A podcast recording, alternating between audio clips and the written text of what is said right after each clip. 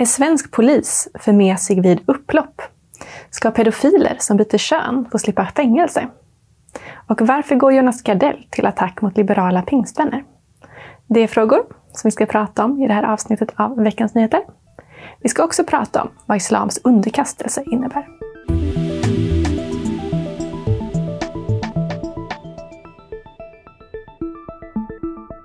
Varmt välkomna till det här avsnittet av Veckans Nyheter med mig Sara Andersson och bibelläraren och ledarskribenten Sven Almqvist. Tack för det, Sara Andersson.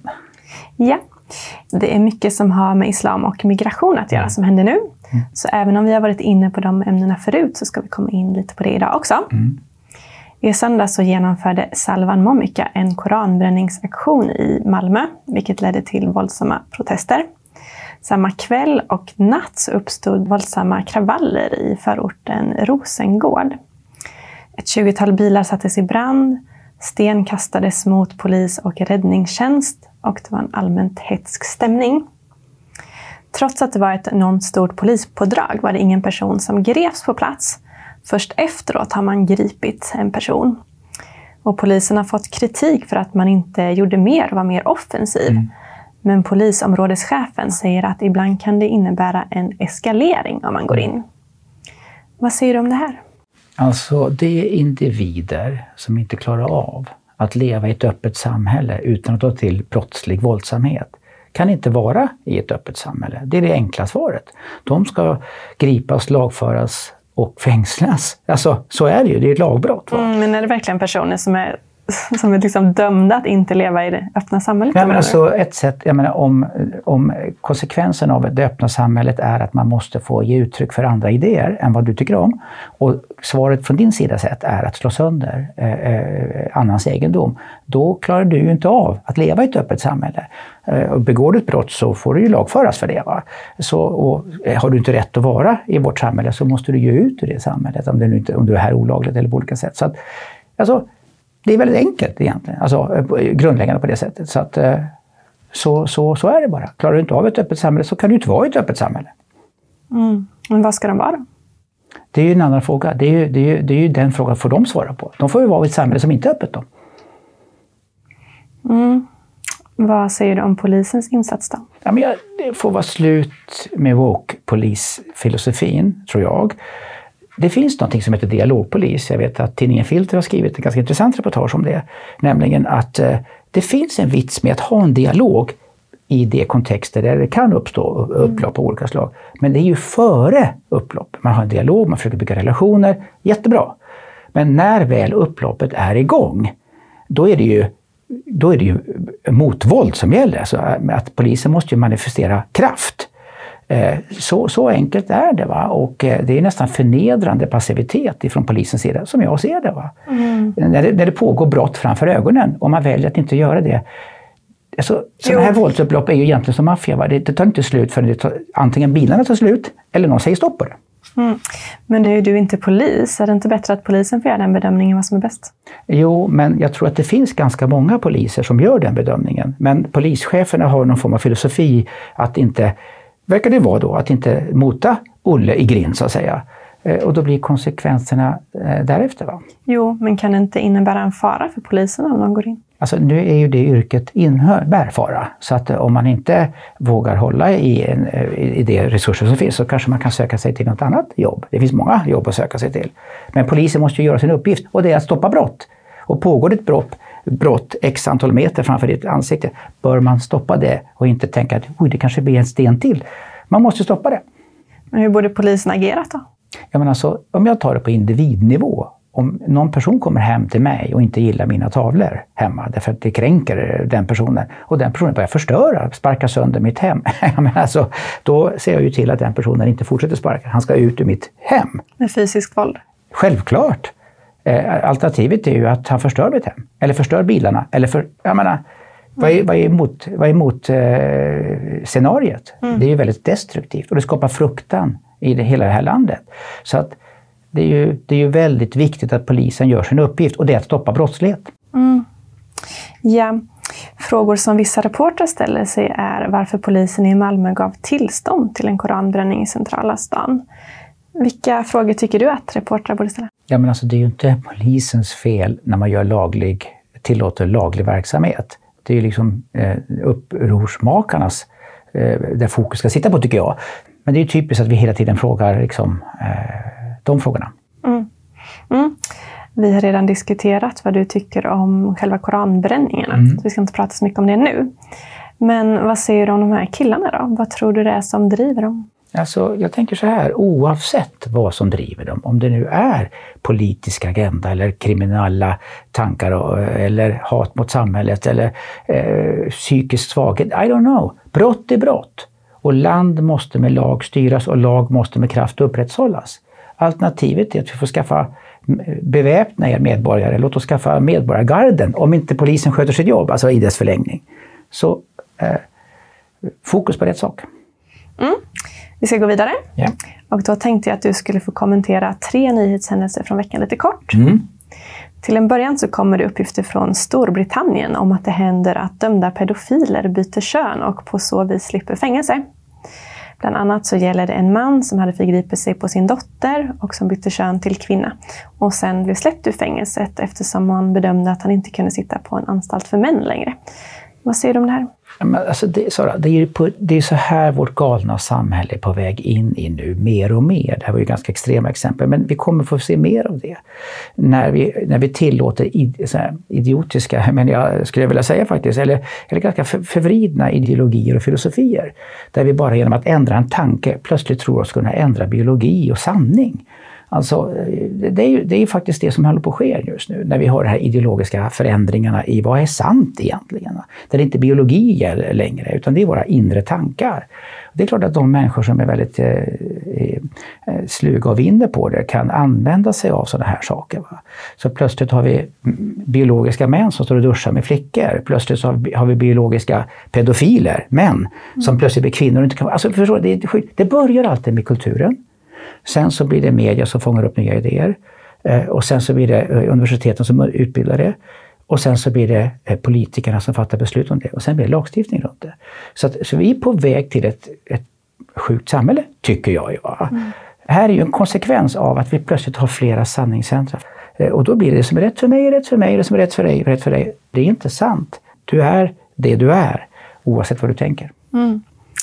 Om man ska se på de här stegen som du pratade om nu mm. så kan man tänka att vi är på väg mot förändrad lagstiftning, för det mm. finns vissa sådana här förslag. Mm.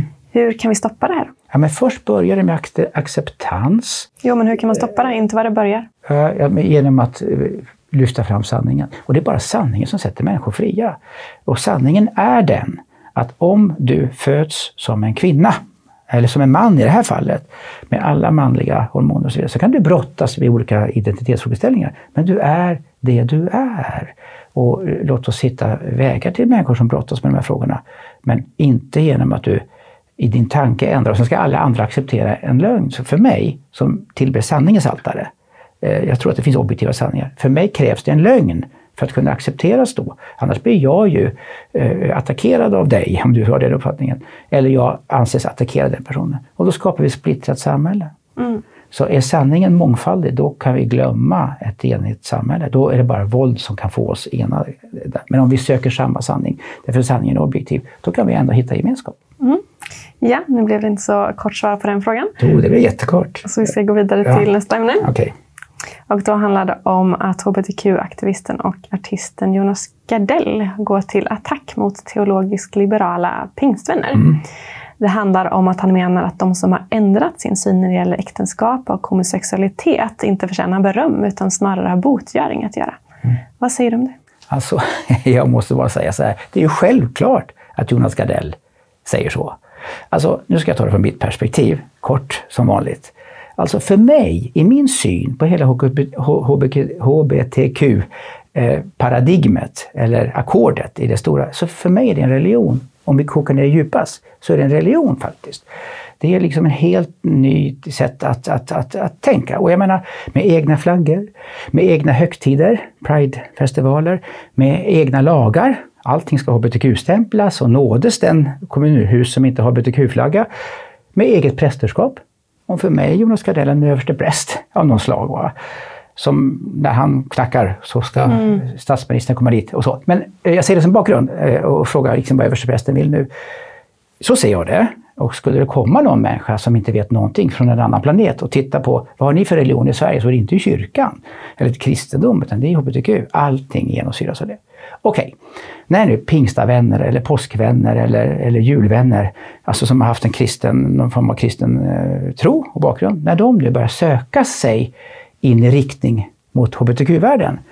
Det är självklart så att prästerna i det religionen säger vi vill inte ha några halvdana pingst eller påskvänner. Du ska in fullt ut och bo om, bo, göra botgöring för att ni har haft en annan trosuppfattning som jag då har. Så ser jag det. Så det blir en clash. Och ska jag använda ett annat språkbruk ska jag säga att det blir en clash andligt. Därför det är en annan ande i hbtq-världen än den jag bär på. Mm, men det här kanske inte bara ses som en religion av de som är homosexuella, utan där handlar det ju om hela livet. Faktiskt. Så är det Sara, och på individnivå får man ju hantera det på, på, på ett annat sätt. Nu talar vi om ideologinivå, så då svarar jag på, det, på den nivån. Mm. Vi har pratat om det här förut, så vi ska inte gå in för djupare nu, utan gå vidare till nästa kortämne. Mm. Och då handlar det om att RFSU har anordnat barnvagnsmarscher runt om i landet i helgen. Mm. Enligt dem så handlar det om allas rätt att överleva sin graviditet. Men i själva verket handlar det mycket om abort. Vad säger du om det här? Alltså det, är ju så, det är nästan horribelt och paradoxalt att man går med barnvagnar och så säger man att alla ska överleva eh, en abort. Det är ju en individ som inte överlever, nämligen barnet. Inget barn överlever en abort. Så det, det, det, det är så absurt egentligen. Sen behöver man titta på kvinnors eh, svåra situation och allt detta, inte minst i vissa länder. Så är det ju. Men att det, är, det är en absurd, det är, så, det är en motsägelse eh, att, mm. att göra så, menar jag. Men är det inte allvarligt att kvinnor dör till följd av osäkra aborter? Det är jätteallvarligt att kvinnor dör på grund av det. Men hade man inte gjort en abortförsök så hade man ju inte dött då.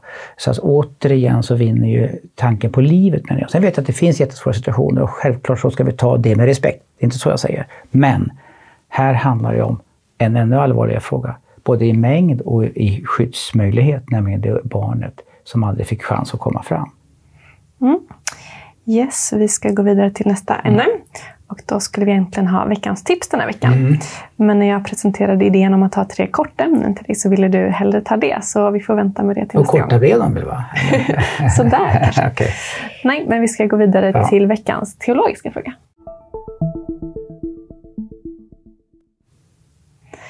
Mm. Ja, i förra veckans avsnitt så pratade vi om islam. Jag tänkte att vi skulle fortsätta med det nu. Mm. Islam betyder underkastelse, det vill säga att böja sig under Gud. Mm. I Bibeln talas det samtidigt om gudsfruktan, vilket också skulle kunna vara att böja sig under Gud. Mm. Hur skiljer sig kristendomens gudsfruktan från islams underkastelse? Alltså hela frågeställningen runt skillnaden mellan kristen tro och islams tro, eller muslims tro, det, det är ett väldigt stort ämne. Jo, men nu var det inte hela tro, nu var det just det här med gudsfruktan och underkastelse. Jo, men exakt. Och då är det ju så här, om jag ska försöka koka ner det där, tycker någonting som jag tycker är, det är egentligen människosynen. Därför att eh, eh, vad är en människa? I, i, I det kristna tänket så är människan oändligt mycket värd. Bibeln säger att Gud älskar människan och att hon är värdefull. Så pass värdefull att han sände sin son Jesus Kristus hit eh, för att ta itu med våra problem, ta itu med vår ondska, det mörka inom oss. Och det är det här med korset och det unika, det är en kraft men det är svårt att förklara. Eh, Medan eh, som jag ser muslimsk tro är mycket underkastelse för en delvis nyckfull alla som ibland kan få ganska skrämmande konsekvenser. Så, så, så, så, så, så ser jag det faktiskt. Va? Och mm. I Koranen finns det 99 namn på alla. Men ordet kärlek finns inte. Så gudsfruktan för mig är något positivt. Han vill mig väl. Han vet mer än mig. Han kan mer än mig. Och att gå in under det, det är ju till min fördel. Så, så, men att jag har också respekt för det gudomliga. Det är mm. inte jag som bestämmer vem Gud är. Gud definierar mig. Mm. Så det innebär inte att du är rädd för Gud? Jag, nej, jag är inte rädd för Gud. Han är min far, men jag har respekt för honom för han är en mäktig far. Så att eh, här gäller det att få den här, alltså jag kan frimodigt komma inför honom tack vare Jesus Kristus. Det är liksom hemligheten mm, med det. Du är lite väl predikande här kanske? Ja, men varför fyller på det? Om det är sant det jag säger. En tandläkare predikar också för mig och jag börjar tänka på tandborstning. Så att Ja. I Bibeln så står det också att vi kallar det till frihet. Mm. Hur går det ihop med att man är fri att välja samtidigt som man då ska lyda Gud i mm. vissa frågor? Ja, men, det, ja, men det, det unika va? Det unika är ju att människan har en fri vilja, därför att kärleken kräver det. Och om min fru vore programmerad att älska mig så skulle hennes kärlek få ganska lite betydelse. Men hon har valt mig. Och där någonstans finns hemligheten, att vi människor har en mått av frivilja. Och börjar vi förstå och smaka att Gud är god, då börjar vi vilja gå den goda vägen. Mm. Så, så fria viljan leder oss rätt. Jo, och, och, mm. men inte bara när det gäller beslutet att välja Gud eller något frälsningsbeslut, utan även olika enskilda beslut vi behöver fatta i våra liv. Hur mycket frihet har vi där och hur mycket har liksom Gud bestämt fasta grejer? Tror jag. jag tror han har en exakt plan för dig. Fantastisk plan för dig och för Jonas som spelar in det här. Och för varenda tittare här inne faktiskt. En, en, en helt unik plan som är, som är bäst för oss och bäst för alla andra. Och när, om du gör saker som skadar dig, fast du inte fattar det själv. Precis som små barn skulle ju käka godis om du inte någon sa ifrån att det är inte bra för dig. Så, så finns det saker som vi behöver säga nej till. Därför att i tidens längd och när vi mognar som människor inser wow, vad bra att jag följde han som har skapat mig ordningar istället för min egen själviska tanke. Så att Guds ordningar är goda och rätt. Sara, inte dina tankar. Även om du kanske tror det ibland. Och jag och mina tankar också, om jag tror det ibland. Så att mm. i tidens längd vinner Guds ordningar. Och den som kommer på det tidigt, lyckos är den människan. Ja, vi får sätta punkt för mm. diskussionen där. Tack så mycket för att du var med oss Sven. Ja, tack själv. Predikande Almqvist här. Precis. Och tack till er som har tittat. Har ni förslag på andra frågor som ni vill att Sven ska svara på får ni gärna skicka dem till oss. Och vill ni stödja det här programmet får ni gärna swisha en gåva. Då kommer lite information om det alldeles strax. Ha det bra!